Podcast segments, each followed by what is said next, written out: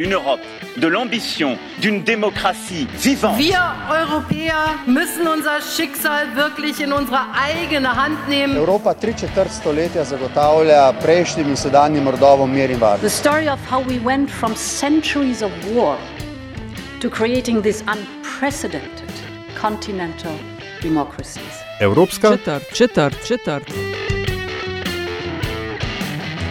Času pandemije so se ustavila vsa mednarodna potovanja. To je vplivalo na celotno svetovno gospodarstvo, najbolj pa je prizadelo turizem.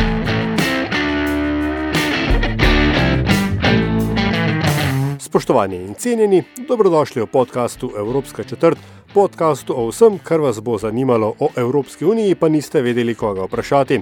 Evropsko četrt vodi vam Aljaš Pengov Bitenc in Nataša Briški. Podcast domujem na spletni postaji metina lista.sim, v vašem nabiralniku pa sveža epizoda takoj, ko je na voljo. Če rečemo, da je bil turistični sektor med najbolj prizadetimi v korona krizi, smo verjetno zgolj začeli odkrivati tančico nad vsem, kar se je zgrnilo nad ta in sorodne sektore, Nataša. In uh, mislim, da je prav, da v Evropski četrti pogledava tudi na ta vidik reševanja in soočanja z zdravstveno krizo in seveda vsem, kar je ta zdravstvena kriza potegnila za sabo. O Sloveniji se zadnje leta aljaž veliko govori in sliši, pa butični turizem, pa petzvezdična izkušnja, pa mišljenove zvezdice. Kje smo pa zares v evropskem kontekstu in kako se je z nami? Poigrala pandemija, pa ne samo z nami, ampak tudi z, z turizmom v EU, in pa predvsem, seveda, kako naprej. In imamo krasna gosta, z nami sta Matej Knific in Matej Valenčič. Živijo obema. Živijo. Živijo. Vidva sta eksperta za, za potovanja, specializirana za prodajo, trženje luksuznih potovanj. Uh, agencija Luxury Slovenija. Um, pa da jaz ne povem preveč vsega, uh, kako bi se vidva sebe opisala tako, v kontekstu turizma. Mogoče Matej Knific, ker imate ravno enaki imeni. Uh, Matej Knific najprej. Uh, ja, hvala, Nataša. Uh, mo, mislim, najlažje se opiševa kot MNMs iz Slovenije, tudi nama reče MNMs from Slovenija. Uh, ki uživava in z veliko strastjo promovirava Slovenijo, ker to je nekaj najlepšega, kar se ti lahko zgodi. Uh, skušava nekako pozicionirati Slovenijo kot luksuzno destinacijo, uh, in sva veliko po svetu, ker če ne vidiš, če nisi tam, te ni. Tako nekako bi jaz na kratko opisal. Bi pa me tega prosil, če me malo mal dopolne. Ja, Matej, povej, kako imate razdeljene naloge. Aha, ja, najprej ena hvala, hvala lepa za povabilo, Nataša. Um, pravzaprav smo si nekako, glede na to, da smo že dolgo časa skupaj, ne, um, smo si tudi vloge razdelili nekako v tej smeri. Torej, um, mogoče je ta del marketinga nekako bolj na moji strani, mogoče bolj kreacija, bolj to, kar je ta kreativni del, um, na Matejevi strani, pa mogoče bolj operativa um, in pa. Potem pa skupaj pa vodiva seveda to najno blagovno znamko in podjetje. Tako da mogoče, mhm. um, tudi kar se tiče, so se nekako malo bolj usmerila, da je Matej bolj obrnjen z ponudbam za tuje trge. Um, jaz pa skrbim za potnike oziroma za goste, ki so iz Slovenije. Da, potem pa imamo tudi nekaj skupnih projektov, to so pa tisti, ki, ki so pač dogodki, pa korporativni. Uh, Korporativne zgodbe, tako da tam imaš.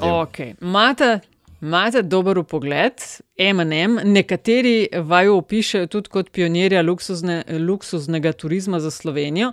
E, bomo o tem govorili, no, ampak dajmo najprej, ne, ker je COVID tisti, ki je vse prisoten že slabi dve leti. Um, povejte mi, Matej Knific, mogoče za štart o tem, kako je korona udarila po vas, ki delate v turizmu.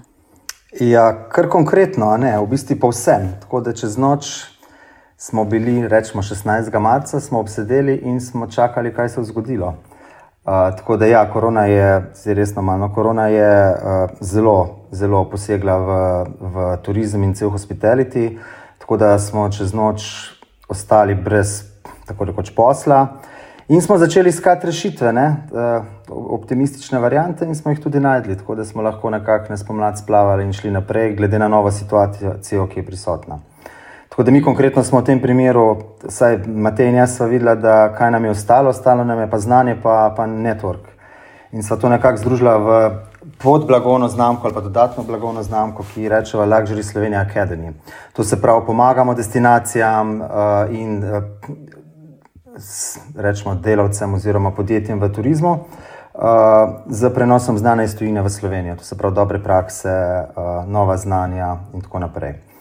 Uh, tako da tako nekako. Potem smo pa itak polet videli, kakšna je situacija in smo živeli naprej in še živimo danes, ker pač svet se vrti naprej. Ja, eh, zdaj, ko govorite, ker pač imate veliko stikov v tujini, ne, me zanima seveda ta evropski kontekst. Ne. Ko govorite s kolegi in kolegicami, ki počnejo podobne stvari v drugih uh, evropskih državah, imate občutek, da je po vseh, mislim, da ste vsi enako slabo jo odnesli, ali je kje bilo boljše, slabše. Klej seveda namigujem na ukrepe, ki so jih države sprejemale, da, da pomagajo vaši branži. Ja, jaz mislim, da smo pravzaprav turistični sektor je zagotovo en najbolj prizadetih. In uh, v tem času krize so se pa tudi pokazale mogoče neke te naše karakterne ali pa DNK lastnosti pač državljanov Evrope. Tako da, ko se pogovarjamo s kolegi, so zgodbe relativno podobne. Ko se je kriza začela, so posod eh, bile večinoma stornacije, večinoma je bilo potrebno eh, delati ogromno sprememb. Eh, zdaj pa ukrepi pa so tudi zelo različno, zelo različno se dotakne držav. Ko se pogovarjamo recimo s Francijo, oni so imeli še več restrikcij, še, več, še bolj zaprti, tako da smo tukaj bili v nekem, nekem obdobju, mi bili recimo, smo imeli nekaj več prednosti, potem so se te stvari spet obrnile. Tako da kar smo se naučili je to, da, da vemo, da zelo malo vemo ne, in da se moramo neprestano prilagajati. Um, seveda pa je bila ta digitalizacija, ne, ki je tudi se nas dotaknila pravzaprav vseh. Ne, smo šli iz eh, teh osebnih srečanj, smo se zelo um, usmerili na digitalna, spletna srečanja. Ne. Tako da to so bile nekako, ampak po mojem, bolj kot ne, po črto, če pogledamo, smo kar vsi bili enako, se nas je kar to enako dotaknilo. No, Matej Knifica se da od vsega, kar se je zgodilo, vem, od zapiranja, od vem, PCT pogojev, od karkoli je bilo sprejetega, se da za kaj reči od tega, kaj je bil pa najhujši udarec turizmu? Mogoče ta negotovost, pa ne samo pri nas v Sloveniji, za cel EU, ne, pa tudi širom po svetu, ker pač nisi vedel za dva dni naprej, kako bo in pod kakšnimi pogoji bomo prehajali, če sploh bomo prehajali iz države v državo ali čez meje. Tako da jaz bi to izpostavil. Negotovost je največji. Challenge bil za vse nas uh, v turizmu, potem pa vse ostalo, kar še, še pride.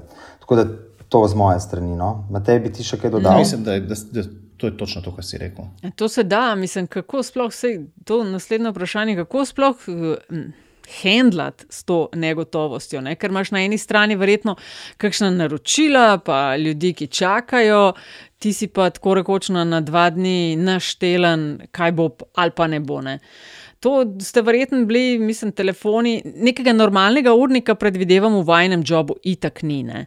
Si predstavljam, da je zadnje leto bilo pa še malo bolj uh, divje ali ne? Ja, Matej Valenčič ja, ali pa knjižnic. ja, ja seveda, seveda, urnik je, urnik je seveda, specifičen za turistično industrijo. Ne, sploh mi delamo veliko z američani, kar pomeni, da smo raj dosegljivi kakšno uro zvečer kasneje, zato da damo odgovor lahko čim prej. Uh, Uh, da, v, v preteklem letu je bil ta urnik še bolj dinamičen. Kako se pa reflektira ta, ta, ta negotovost? Ne? Zdaj, države spreminjajo vstopne pogoje um, zelo nepredvidljivo in, in zelo ad hoc. Tako da smo pravzaprav za, za, za, za, Slovenc, za tujce, ki prihajajo v Slovenijo, ne, spremljamo seveda to, kar naša država nekako predpiše. Ne. To, kar pa grejo naši gosti v tujino, pa seveda za tiste države, v katere potujajo. Ne. Tako da stvari se, se, so se zelo dinamično spremenile, zdaj so se nekoliko stabilizirale, umirile, tako da je nekoliko lažje um. Ja, no, pa ker so vse to, ker so vse to spremenile te zadeve. A je za kakšno državo veljalo, da tam si pa vse en mal bolj na zalogo vedel, kaj pričakovati? Ali je bilo vse posod tisti iz danes na jutr? Jaz bi rekel, da Hrvaška, zato ker oni so se pač odločili po, po svoji volji, mi odpiramo že lansko leto in so bili odprti. Ker mi je pač turizem tako bistvenega pomena za gospodarstvo. Moramo to se absolutno tega zavedati. Povsem druga situacija kot v Sloveniji. Ne?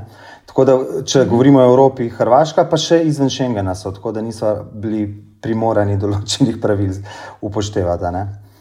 A, no, a lahko poveš, kaj, če se spomniš, kakšnih pravil, ki ste jih vi, mi, kot članica Evropske unije, morali upoštevati, eh, pa mogoče kakšni drugi pa ne tako zelo. A je kaj tacga, kar si zdaj ravno to omenil? No? Ja, če govorimo o Schengenu ne, eh, in EU-ju, sigurno Schengen članice smo, smo imeli zaprto zaprte meje za ZDA, predvsej dolgo, pri čemer Hrvaška ne, ne. Se pravi, lansko poletje oziroma lansko sezono Schengen sploh ni bil odprt za američane, če ni bilo to uh, nujno potovanje. Uh, letos pa nekje junija se je začela zadeva odpirati, Hrvati so se odprli pa že v aprilu, ne. tako da so kar mm -hmm. hitro poštartali sezono. To je ta bistvena razlika. No. Drugač mm -hmm. pa ni zdaj tle neke svetle zvezde ali pa črne ovce. Ne. Uh, ja, ja. Vsi smo se lovili, uh, tudi, tudi naša država, in pač delali smo znotraj tega, kako smo lahko. Ne? To me še zanima, ker je veliko na račun vlade, jih gre veliko, ko govorimo o komuniciranju same uh, epidemije. Zdaj pa, kako so bili pa za vas, ki delate v turizmu eh, dobri ali pa slabi komunikatorji te epidemije. Ker se mi zdi, da ko um, ne vem, neki rečejo vodstvo države ali pa te, ki upravljajo s pandemijo, da to se sliši, ne? turisti tudi, ne samo mi. Koliko se vam pozna. Ali so komunikatorji, ne vem, turizmu prijazni ali ne, če se to sploh da biti? To se, po mojem, ne da biti. Ne? Pa ne samo turizmu, ne splošno, ker ti ščitiš eno, en segment, eno področje, ne vem, zdravstvo, sigurno to vpliva pozitivno, negativno na druge segmente oziroma na druge branže. Ne? Tako da, mhm. seveda, pa, pa kdorkoli, ki je hotel nekaj dobro za, za izito epidemije, je to vplivalo na, na, na turizem. Ne? Ne vem, če je nekdo rekel, da pač ne bomo šli naslednje tri mesece iz države, so vsa poletna potovanja odpadla v tistem trenutku v, v glavah državljanov. Ne? In to se pozna. Ampak vse zdaj, če nazaj gledamo, vse, a se nismo vsi učili. Ne? Mislim, se, še, se, se, se, se vedno še učimo. Da, mm. Ja, sigurno je vplivalo, uh, mogoče bi bilo fajn kakšno stvar drugače komunicirati, zdaj je lahko biti pameten, takrat se je pač reagiralo, kot se je. In so bile posledice tudi zaradi mogoče kakšne nepremišljene besede. Drugače pa na, na bi pa res izkoristil to priliko, Nataša. Kar smo pa mi komunicirali z državo, govorimo z podpornimi službami. Ne? Od vem, tem, ki so nam nudili pomoč, ne, ali finančno, ali vsebinsko. Jaz sem bil izredno presenečen pozitivno, kako prijazen servis lahko mi imamo v javni upravi. Tako, ker je načeloma zelo drugačno mnenje. Ne. Bili so prijazni, bili so potrpežljivi in so skušali razložiti znotraj sfere, v kateri delajo. Da tle, tle, to pa res bi bilo grdo, če bi slabo rekel. Mislim, če bi karkoli po, pošimfali po domače. Ja, ja, ne, to je super slišati. Kakšna je bila pa v tem pogledu usklajenost inštitucij pri podajanju informacij, ko se ne vem, vi ali pa gostje, ki sem prihajajo, obračajo vem, na ambasade, na kličejo korona telefon, na konzulate. Kakšna je bila po vajni izkušnji usklajenost inštitucij pri tem? Tukaj pa mogoče malo manj. No? Uh, ne vem zakaj, ampak seveda si vsak malo po svoje lahko razlaga odloke. Ne? Tako da uh, smo, smo pač, tukaj je bila zelo pomembna naša iznajdljivost, pa odzivnost, pa uh, radovednost, da smo čim več spraševali in potem pot, pot, potegli neko odločitev ne, in upali, da oseba, ki bo žigosala patni, po, potni list na Brniku ali kjerkoli druge, da, da bo isto razumela odloke kot mi. Tako, v bistvu je vstop v državo odvisen bil predvsem od osebe na, na meji ne. in ni bilo nekih uh, konfliktnih situacij. No. Da, ja, ja, ja. Saj, da, da bi mi vedeli. No? Matej Valenčič, zdaj, uh, kar nekaj je bilo odlokov sprejetih v vsem tem času. Kako nekdo, ki dela v turizmu, temu sledi? Sta to vidva koga dodatnega imela, da je to vse spremljalo, kaj je aktualno uh, tistega, kar je v veljavi, a sta to sama dva, kako sta uh, s tem? uh, se rokovala. Ja, vso, vso kombinacijo. Ne? To se pravi, nekaj, vsekakor smo sami imeli odprte oči in spremljali zakonodajo, spremljali odloke, uh, spremljali to komunikacijo, in pa seveda tudi z ostalimi kolegi v branži. Smo bili veliko na zvezi, potem pa tudi s pomočjo naših podpornih služb, kot je računovodstvo, pravniki, tako se pravi, vse te, vsi skupaj smo spremljali to in se ukvarjali z, z to tematiko. Ne? Tako da um, smo prišli potem do nekih rezultatov. In... Tukaj ne smemo pozabiti na enega, Matej. to je TGZS, ki je odlično upravljal vlogo v turizmu z, uh, kot source informacij. Smo, nam je bilo bistveno lažje, ker smo njihova obvestila dnevno dobili. Ja, to je res. Ja. Hveda pobegajalo in ekipa, to, to res, to kapo dol. Ja. No. To, to pa no, res. TGS za tiste, ki ne vejo, kaj to je, kdo to je. To je Turistično-gostinska zbornica Slovenije ki jo vodi Feda Pobegajlo, ima ekipo in so odlično pripravljali in zbirali na enem mestu odloke, da, da si v bistvu imel en, en, en, eno mailing list in si tam pogledal in vse, vse odloke preštudiral. Kako je pa karte pomešalo to, da je med korono, ker takšna je bila pač časovnica, eh, je Brexit, eh, finalni dnevi Brexita, Velika Britanija oziroma Združeno kraljestvo je izstopilo iz Evropske unije. A je to v m, kontekstu turizma igralo kakšno vlogo? Predvidevam, da je. Uh, mislim, Velika Britanija je za nas, poleg Amerike, kar pomemben trg. Uh, Brexit se je v Veliki Britaniji začel že bistveno pred samim letošnjim januarjem, mislim, da je bil ja, konec januarja, uh, ker se je že poznalo prej na budžetih, na kupni moči in tako naprej. Kar pa sam datum je pa v bistvu bil mogoče sred, sred hard lockdowna, tako da smo imeli nekaj časa, da smo se pripravili. Danes je pa Velika Britanija enako kot vse tretje države, kot je kot Kitajska, Indija, Mehika, Združene države in pač moramo upoštevati vsa pravila, ki veljajo za vstop tretjih držav, tako imenovanih tretjih držav v EU. Uh, Pričemer pa navade, pa neki pa praksa ljudi pa ni ne, v tem, da nismo še vsi preklopili, da prehajaš med otokom in celino, da greš izven EU-ja. Tako da to, pa, to je pa bolj iz praktičnega, pa operativnega vidika, ne? da ljudi treba pozoriti, imeti pasporte, dokumentacijo. Ne vem, v končni fazi zelo banalna stvar, ampak ker naenkrat data roaming ni znotraj EU-ja več, pa tako naprej. Ne? Ja, ja, točno to. Navajeni smo bili leta na, na en drug tretma, potem pa ja, se je pripravljalo nekaj let, ne, da bodo spremembe, ampak še vsem, uh, sploh ne dvomim, da koga preseneti, no, ali pa da se pozabiš, da je, da je mal drugačna. In uh, mogoče še ena informacija za, vel, za Veliko Britanijo. Ne? Velika Britanija velja kot eden izmed, mislim, da treh ali petih največjih izvoznih trgov v turizmu, ne? ker pač otočani zelo radi potujejo v Evropo in po svetu na dopuste. To se pravi, uh, se, bom, se želimo prilagoditi njim, ne? ker je to pač zelo zanimiv trg in zelo velik šer prihodkov je lahko to za slovenski turizem. Ja, tukaj je, tukaj, mogoče še tole bi še dodal. Ne? V, v Veliki Britaniji je ta, je ta korona v kombinaciji z Brexitom kar dobro um, pomešala štrene, zato ker, je, ker so dobili nekako ukrepi, ki so bili v Veliki Britaniji, so strmili k temu, da gostje ostanejo doma in v Veliki Britaniji trošijo denar. Tako da je ta kombinacija in korone in brexita naredila, zameglila v bistvu, kaj je zdaj tukaj jasna slika. Ne? Ampak eno z drugim se seveda reflektiralo na tem, da je angliških gostov bilo bistveno manj. Ne? Super istočnico si dal eh, s tem, ko si omenil to preživljanje dopustov prostega časa doma. Uh, rada bi z vama še malo poklepetala o butičnosti slovenskega turizma. Uh, mogoče sem jaz tista, ki je malo več tega opazila, ampak um, imam občutek, da Slovenija postaja vse bolj zaželjena lokacija.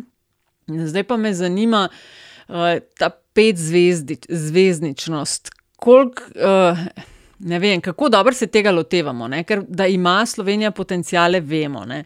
A se znamo to jeti, ker vidva se ravno ukvarjate s tem eh, najbolj luksuznim turizmom, z gosti, ki so najzahtevnejši.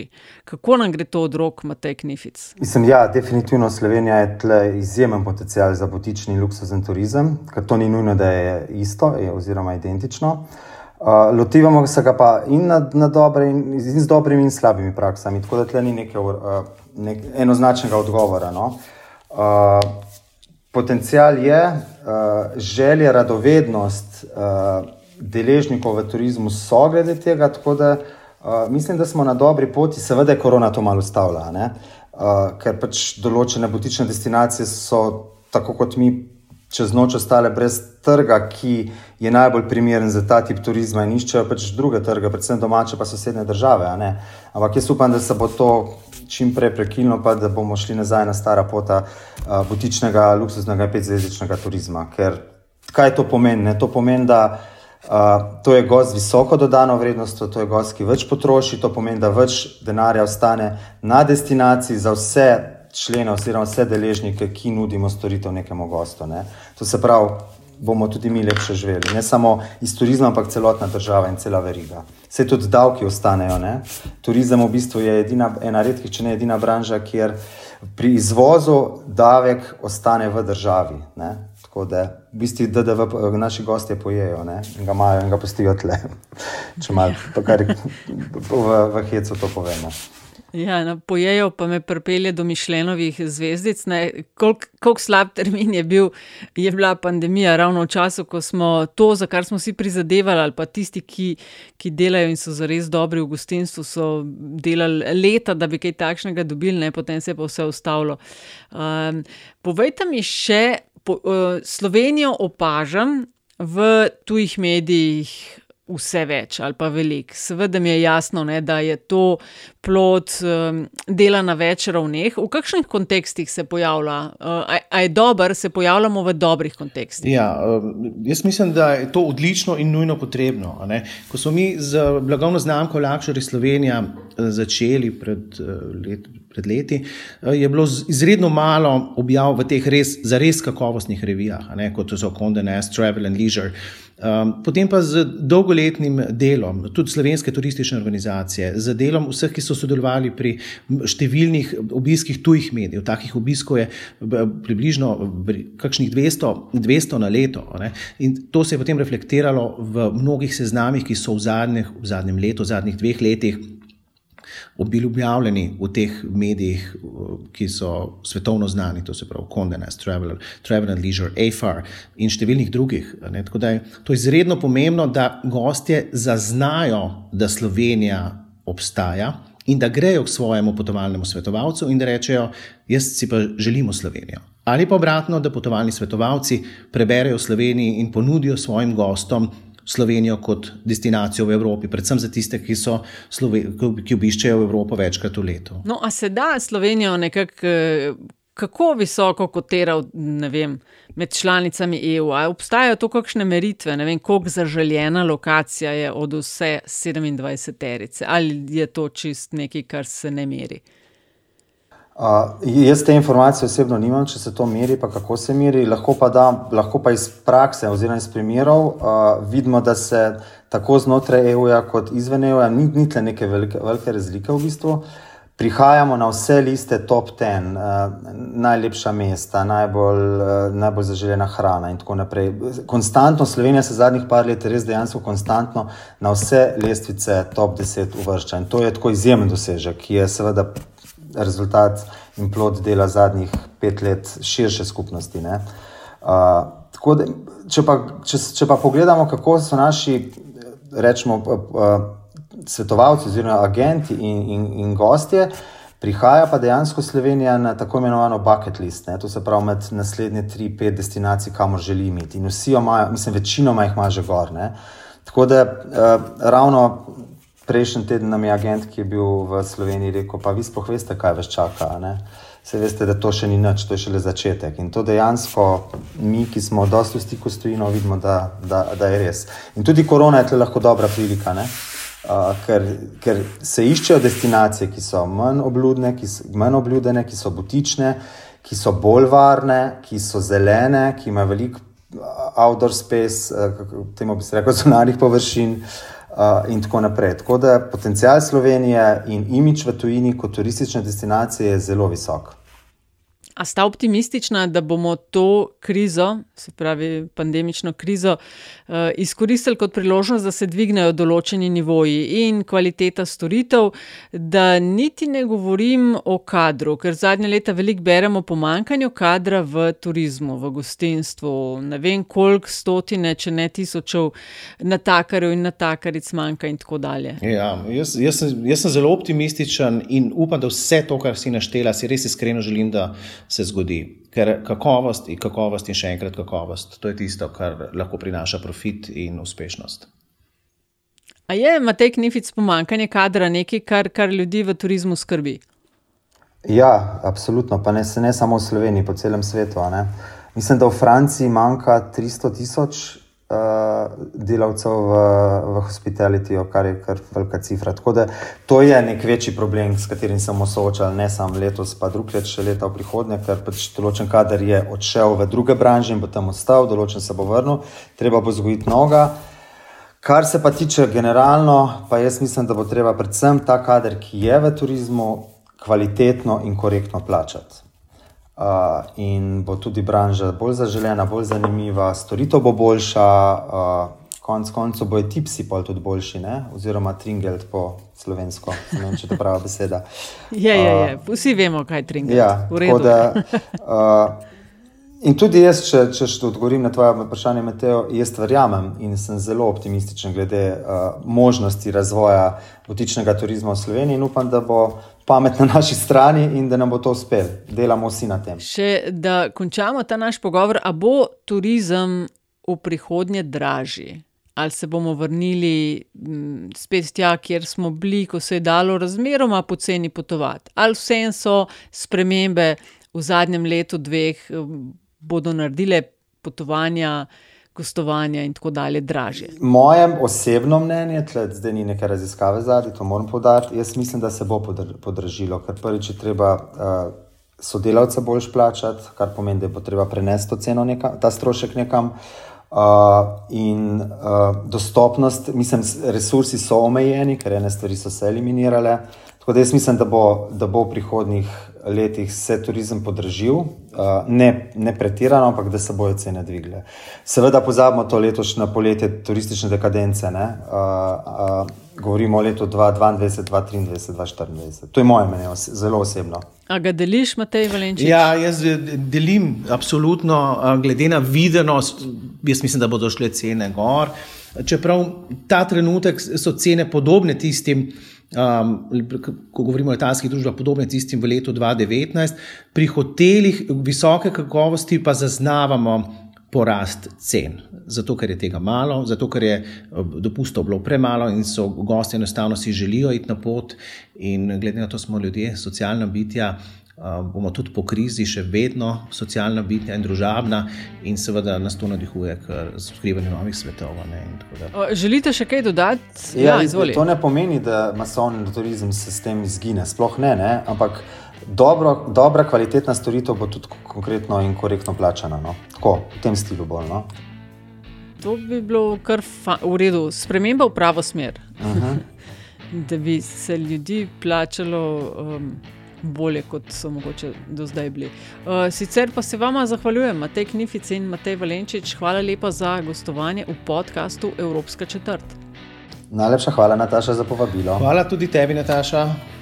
To je bila Evropska četrt, 77. v podkastu Vesoljum. Hvala za vašo pozornost. Predlogi mnenja zelo dobrodošli in hvala tudi za pohvale in kritike, ki jih delite z nama.